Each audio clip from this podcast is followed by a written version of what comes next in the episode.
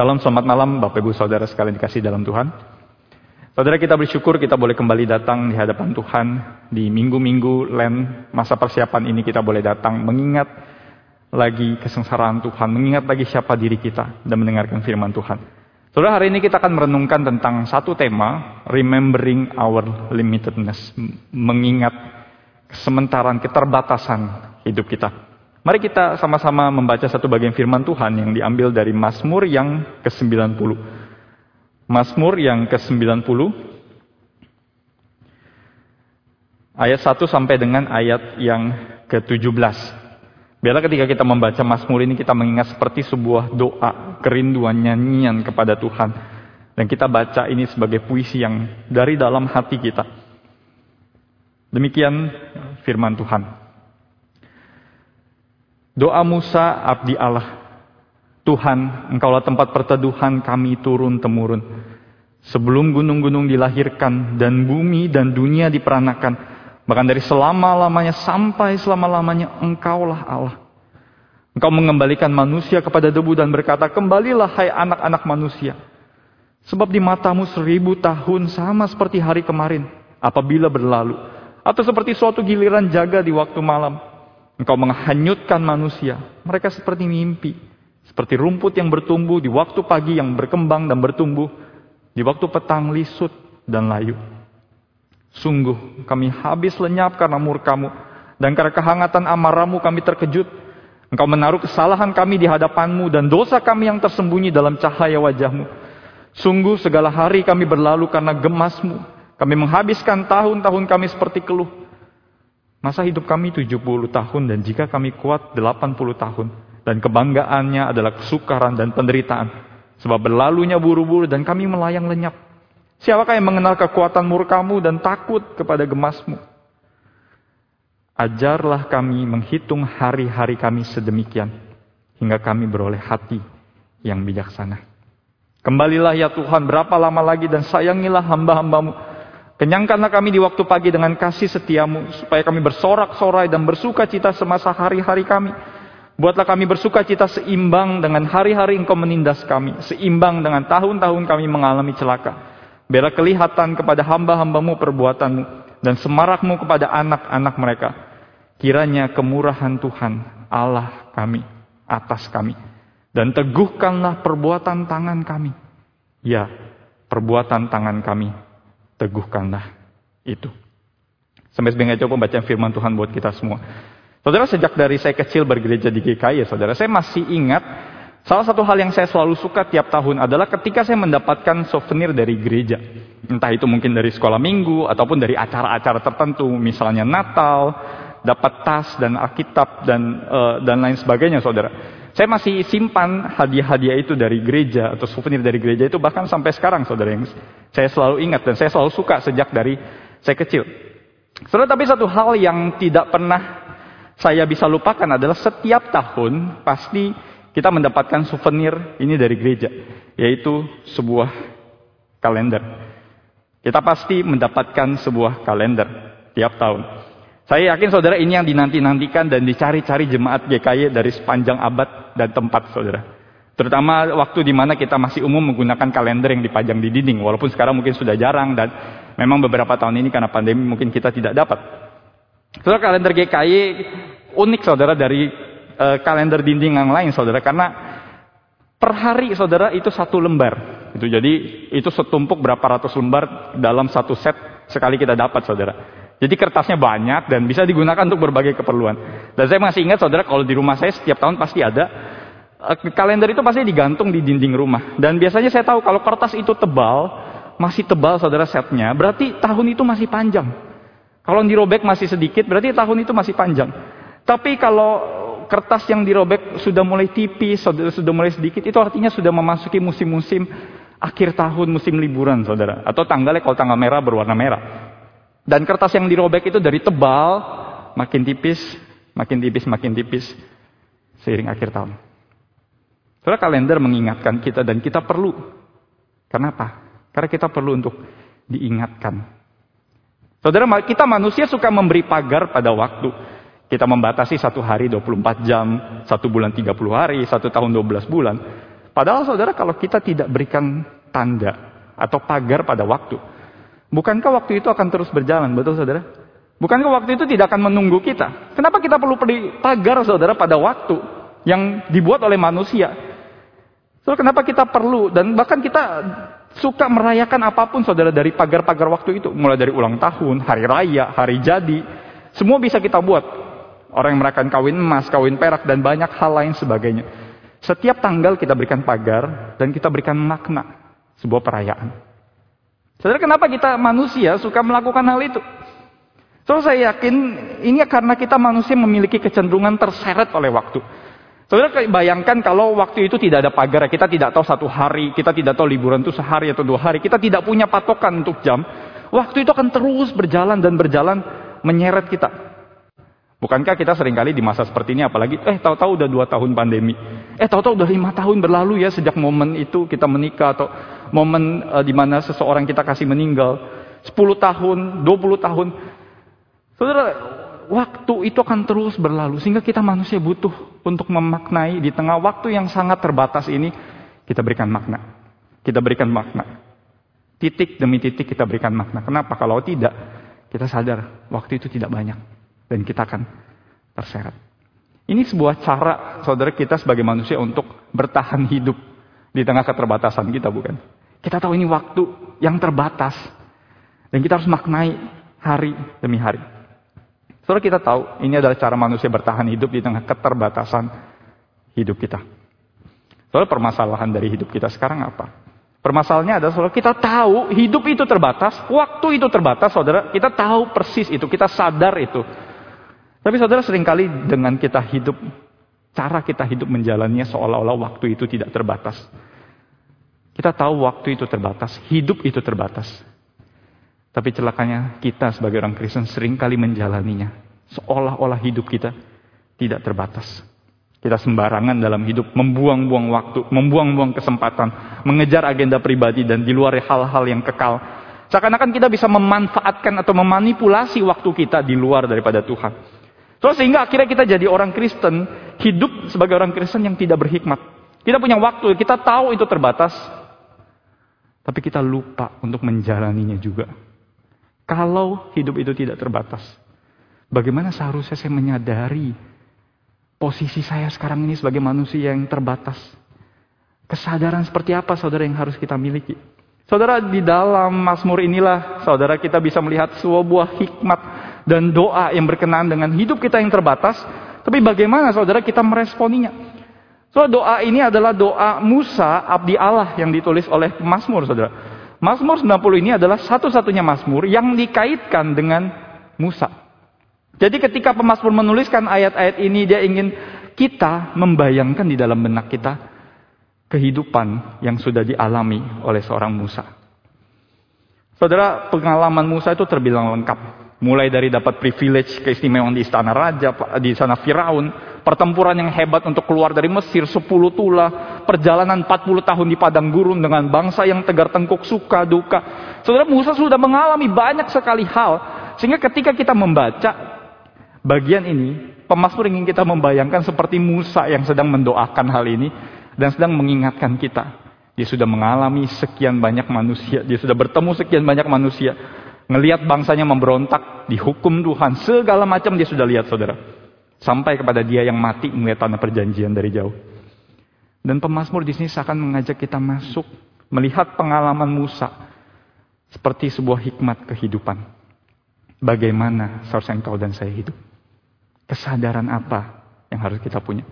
Saudara sehingga pemazmur di sini memberikan ada dua kesadaran dan satu respons yang harus kita miliki ketika kita mengingat kembali kita diingatkan kembali betapa terbatasnya kita.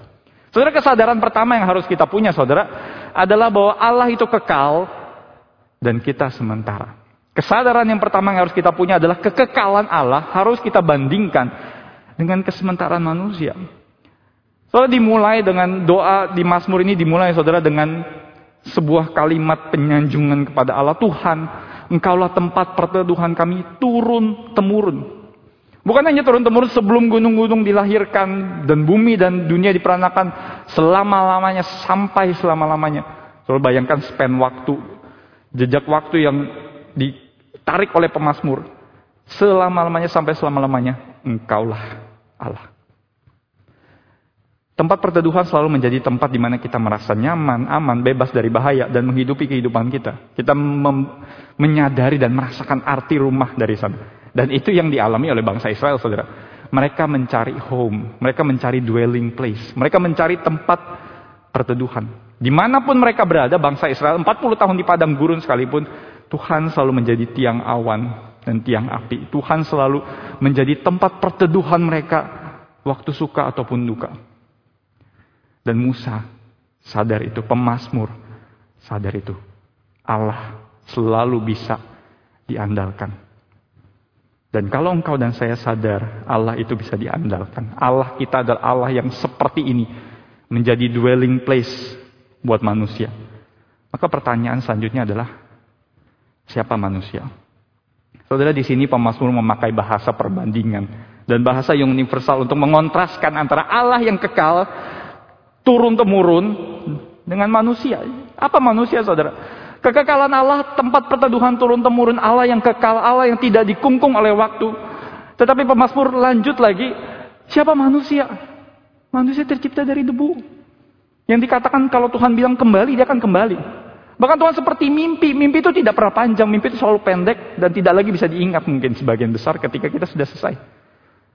Cepat sekali. Ataupun seperti rumput, rumput yang ada di zaman uh, pemasmur atau zaman timur dekat kuno pada saat itu saudara adalah rumput yang mungkin pada waktu pagi terkena embun, tapi begitu siang dengan panasnya matahari, dia akan langsung layu dan akan langsung musnah. Sebegitu sementaranya manusia. Pemasmur menarik garis ini saudara, supaya kita sadar ada perbedaan yang jauh antara kekekalan Allah dengan kesementaraan manusia. Saudara, selama-lamanya manusia memecahkan rekor hidup, saudara, 100 tahun. Bahkan sampai di Alkitab, saudara Metusala, orang tertua di Alkitab, hidup sampai 969 tahun. Bagi Tuhan, di dalam Mazmur ini dikatakan apa? Seribu tahun bagi Tuhan. Sama seperti satu hari. Artinya umur Metusala yang bahkan 969 itu hampir satu, uh, hampir 10 abad saudara hampir satu milenium yang bagi kita sudah sangat panjang dan mungkin bisa bosan hidup saudara kalau kita sudah mengalami 969 tahun. Tapi bagi Tuhan itu seperti satu hari. Begitu cepat. Soalnya di sinilah ada perbedaan yang jelas antara kekekalan manusia dengan siapa kita. Saudara pemazmur ingin kita seperti kamera, saudara.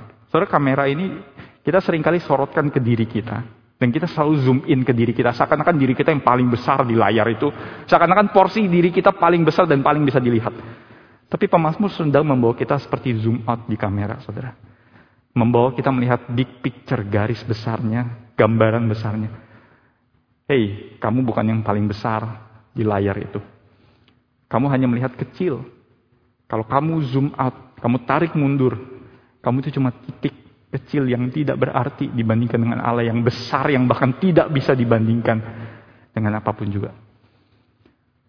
Saudara kalau kita menyadari seperti ini bukankah hati kita betul-betul direndahkan oleh Tuhan? Kesadaran Allah itu kekal. Tapi bagi Tuhan hidup manusia yang paling lama sekalipun hanya seperti satu hari. Debu, mimpi, dan rumput. Soal di sanalah Tuhan membawa kita, pemazmur membawa kita saudara kepada kesadaran yang kedua. Saudara, belum cukup manusia itu terbatas saudara.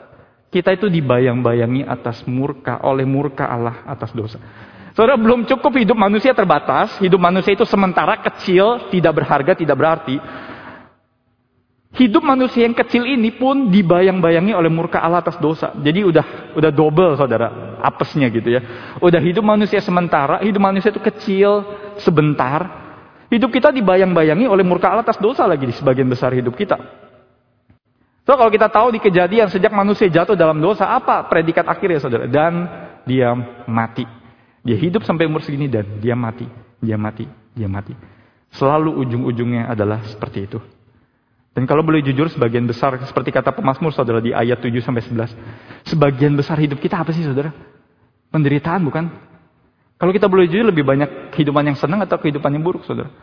Lebih banyak masalahnya di hidup kita. Jadi hidup kita udah sementara, udah sedikit saudara, udah sampai dikatakan hidup kami kalau kuat 70 dan 80 tahun, hidup kita yang 80 tahun mungkin lebih dari setengahnya adalah masa-masa sulit.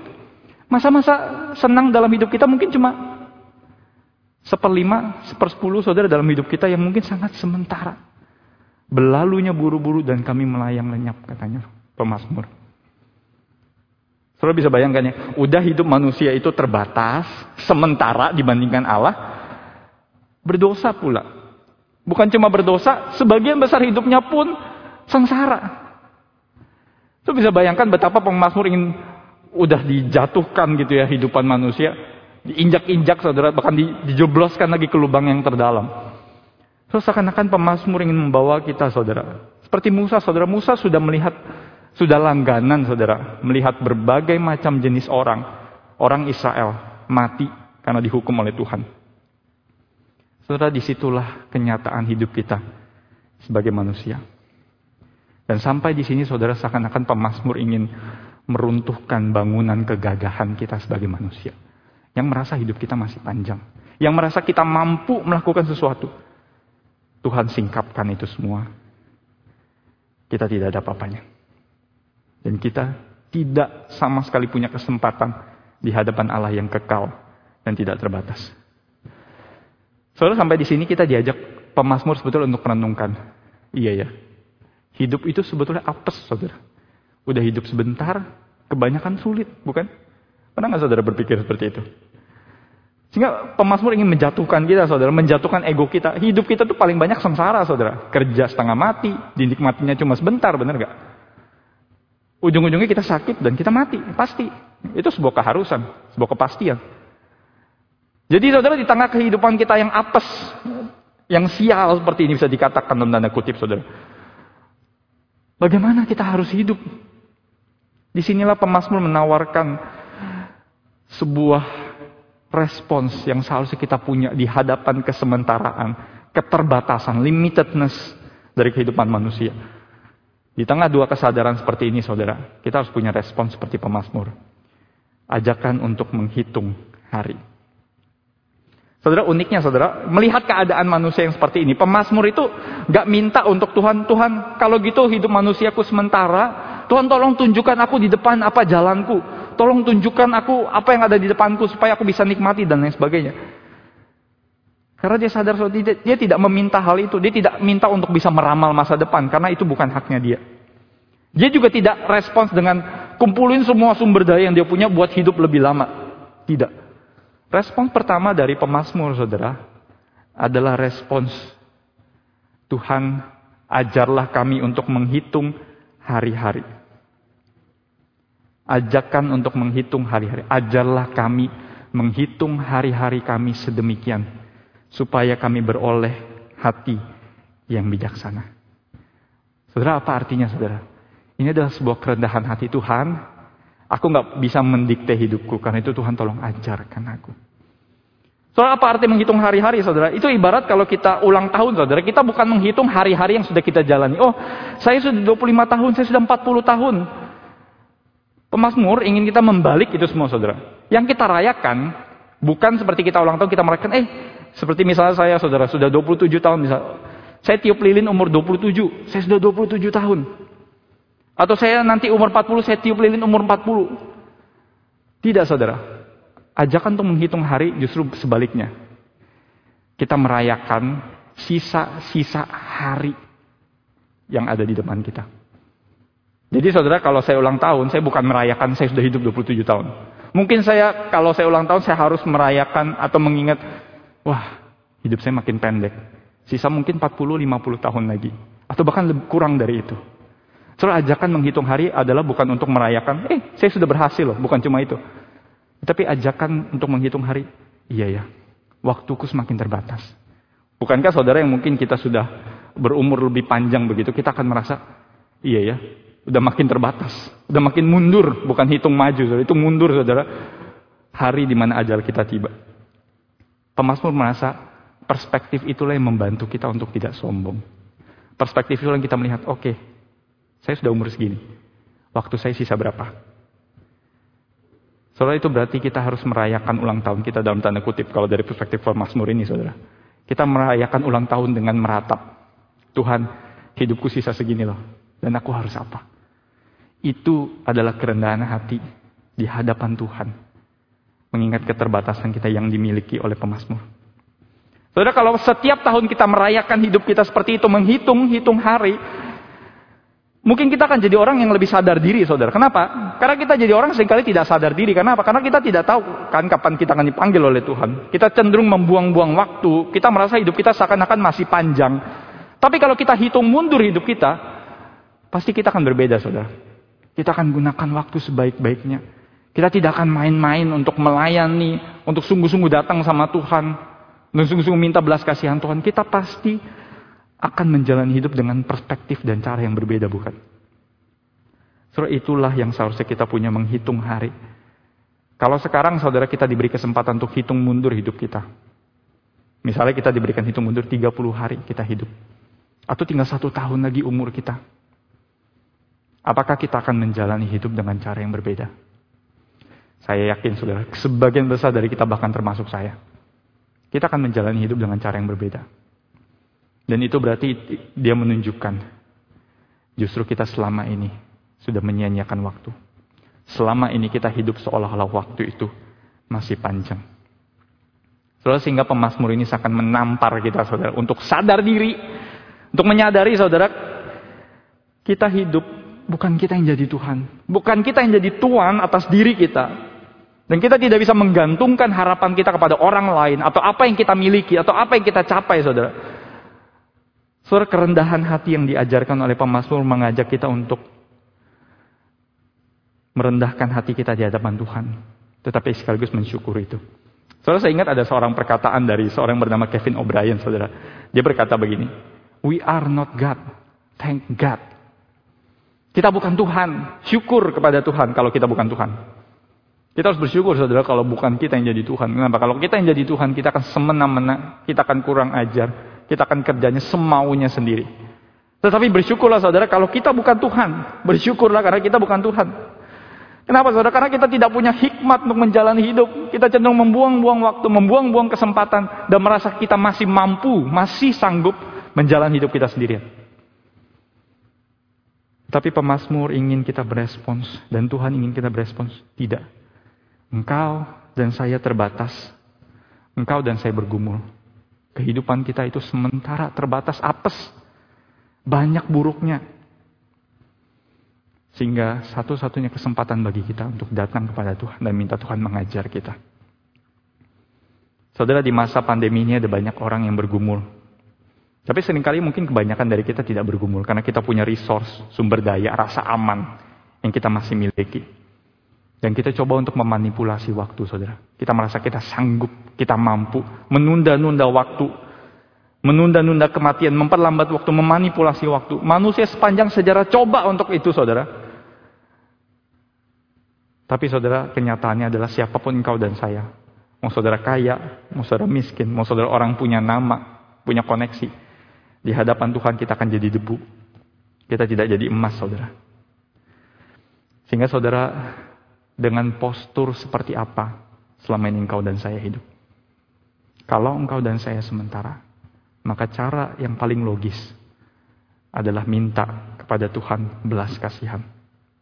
Minta kepada Tuhan belas kasihan. Saudara pemazmur menutup doanya ini bukan dengan pesimis. Bukan dengan merasa bahwa dia aduh udahlah menyerah saja sama hidup tidak saudara. Justru di ayat 14 sampai 17, pemazmur menutupnya dengan sebuah doa seruan sukacita kepada Tuhan. Tuhan kenyangkanlah kami dengan kasih setiamu. Tuhan teguhkanlah perbuatan kami. Jadi sepertinya sebuah respons yang harus kita punya adalah bukan cuma kita merendahkan diri di hadapan Tuhan. Tapi kita tahu di depan ada anugerah dari Tuhan di tengah keterbatasan kita. Saudara, bukankah yang seharusnya kita ingat? Itu yang seharusnya kita ingat ketika kita mengingat salib. Sekarang saudara kita masuk ke dalam masa lem. Dan salib Kristus mengingatkan kita bagaimana Allah mau mengambil kesementaraan, limitedness kehidupan kita yang terbatas, yang rapuh. Bahkan Yesus hanya hidup 33 setengah tahun saudara. Setengah dari umur yang diucapkan di pemasmur ini. Tapi Yesus mengambil itu. Allah mengambil kesementaraan manusia itu. Menunjukkan kepada kita bahwa kita tidak sendirian di dalam keterbatasan kita. Di balik salib, simbol kesementaraan. Simbol kematian dan kefanaan. Tuhan menunjukkan kasih setianya. Saudara, itulah anugerah terbesar dalam hidup kita di balik kesementaraan kita yang titik ini nggak berharga. Di balik hidup kita yang sebagian besar cuma 70 sampai 80 yang sebagian besar banyak buruknya saudara. Ada anugerah Tuhan di sana. Ada Tuhan yang berkenan menyatakan kasih setianya. Ada Tuhan yang ingat kita walaupun kita debu. Dia ingat kita, dia menjalani hari bersama-sama dengan kita. Saudara sehingga di situlah waktu menjadi berarti. Saudara apakah engkau dan saya sudah pakai waktu-waktu seperti ini untuk meratapi diri? Atau kita masih saja sombong dan merasa hidup saya masih panjang. Saya punya masih banyak kesempatan. Saya masih bisa melakukan segala macam hal yang saya mau. Pemasmur menampar kita dan mengingatkan kita sekali lagi. Hei, ingat sadar diri. Kamu terbatas. Kamu berdosa. Dan kamu butuh Tuhan. Kamu membutuhkan anugerah Tuhan. Setelah sehingga hidup itu bukan cuma melihat ke belakang apa yang sudah lalu. Ataupun melihat ke depan, saudara, apa yang akan terjadi. Tapi hidup itu juga harus melihat ke atas dan ke bawah, saudara. Ke atas, ingat Tuhan. Ingat dia kekal. Ingat dia tempat perteduhan kita turun-temurun. Tapi jangan lupa lihat ke bawah, saudara. Lihat tanah. Itulah kita. Manusia yang rapuh. Manusia yang sementara. Manusia yang tidak berdaya. Di situlah saudara kita bisa mendapatkan kebijaksanaan untuk jalani hidup. Pasti kita tidak akan menyanyiakan waktu. Pasti kita akan melihat hidup ini sebagai sebuah kesempatan yang Tuhan berikan buat kita. Saudara, adakah ratapan itu dalam diri kita sekarang? Atau kita coba membius diri, saudara, dengan berkata, saya masih mampu, saya masih sanggup. Kita manusia suka membius diri, saudara, dengan merasa saya sanggup. Atau kita mau datang kepada Tuhan dan minta, Tuhan, aku tidak mampu, ajari aku menghitung hari-hari supaya aku beroleh hati yang bijaksana. Saudara saya akan menutup dengan sebuah tulisan perkataan dari Charles de Foucault, saudara. Saudara dia berkata seperti ini, saudara, di dalam pergumulannya di hadapan Tuhan, keberdosaannya, saudara. Dia mengalami, saya berdosa, bagaimana saya dapat datang kepada Tuhan? Saudara dia merenungkan begini, saudara. Engkau berada di sini, di dalamku, Allahku. Dan di hadapanmu di dalam dirimu pagi hingga petang setiap saat aku melakukan ketidaksempurnaan dosa yang tak terhitung jumlahnya dalam pikiran, perkataan dan perbuatan. Aku gentar, aku tergoda untuk berkata, Tuhan pergilah daripadaku karena aku ini seorang berdosa. Tapi aku tidak mengatakannya. Tidak, sebaliknya, tinggallah bersama kami Tuhan.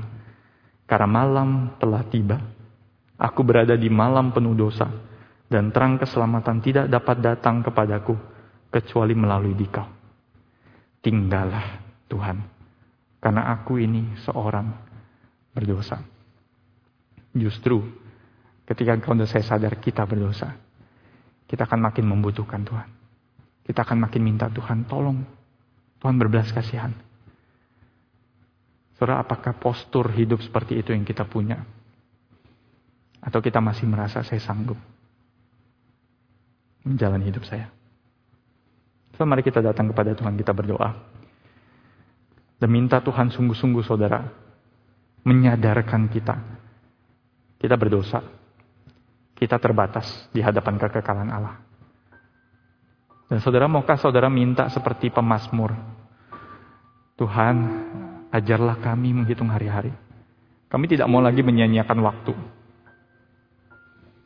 Kami minta Tuhan, kalau boleh sisa-sisa waktu kami yang berdosa, yang sementara, Tuhan kami tinggal sertamu. Tuhan tinggallah, karena hari telah malam. Mari datang kepada Tuhan, saudara.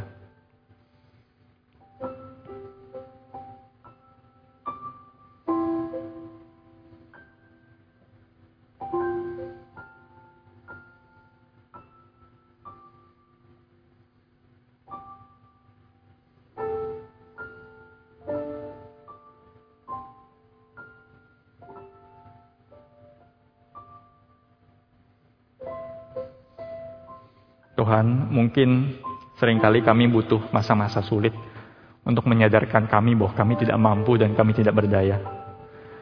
Sehebat-hebatnya kami ya Tuhan melakukan berbagai macam hal. Bahkan kami mungkin sekarang ada dalam posisi nyaman ya Tuhan, tidak ada masalah. Tapi Tuhan jangan sampai tunggu malam itu tiba. Jangan sampai tunggu hidup kami sengsara baru kami sadar kami membutuhkan Tuhan. Jauhkan kami dari pikiran itu ya Tuhan. Tapi ya Tuhan sama seperti doa pemazmur sadarkan kami ya Tuhan bahwa kami adalah orang-orang berdosa yang selalu membutuhkan anugerah Tuhan. Kami adalah orang-orang yang terbatas, hidup kami sia-sia fana. Karena hidup kami hanya menemukan arti dan maknanya di dalam Engkau. Sehingga di dalam setiap hidup kami yang terbatas ini ya Tuhan, 70, 80 atau bahkan kurang dari itu, hidup kami punya makna karena di dalamnya ada kasih setia yang membuat kami kenyang. Hidup kami di situ menjadi berarti. Tuhan, rendahkan hati kami. Sadarkan kami ya Tuhan. Dan kami mohon tinggallah serta dengan kami di masa-masa lain ini. Sadarkan kami, kami membutuhkan anugerahmu. Tinggallah ya Tuhan, sebab malam sudah tiba. Kami berdosa, karena itu tinggallah dengan kami. Terima kasih ya Tuhan, kami bersyukur. Di dalam nama Tuhan Yesus kami berdoa. Amin. Kebaktian doa kita sampai di sini saudara. Saya akan bersatu Tuhan memberkati.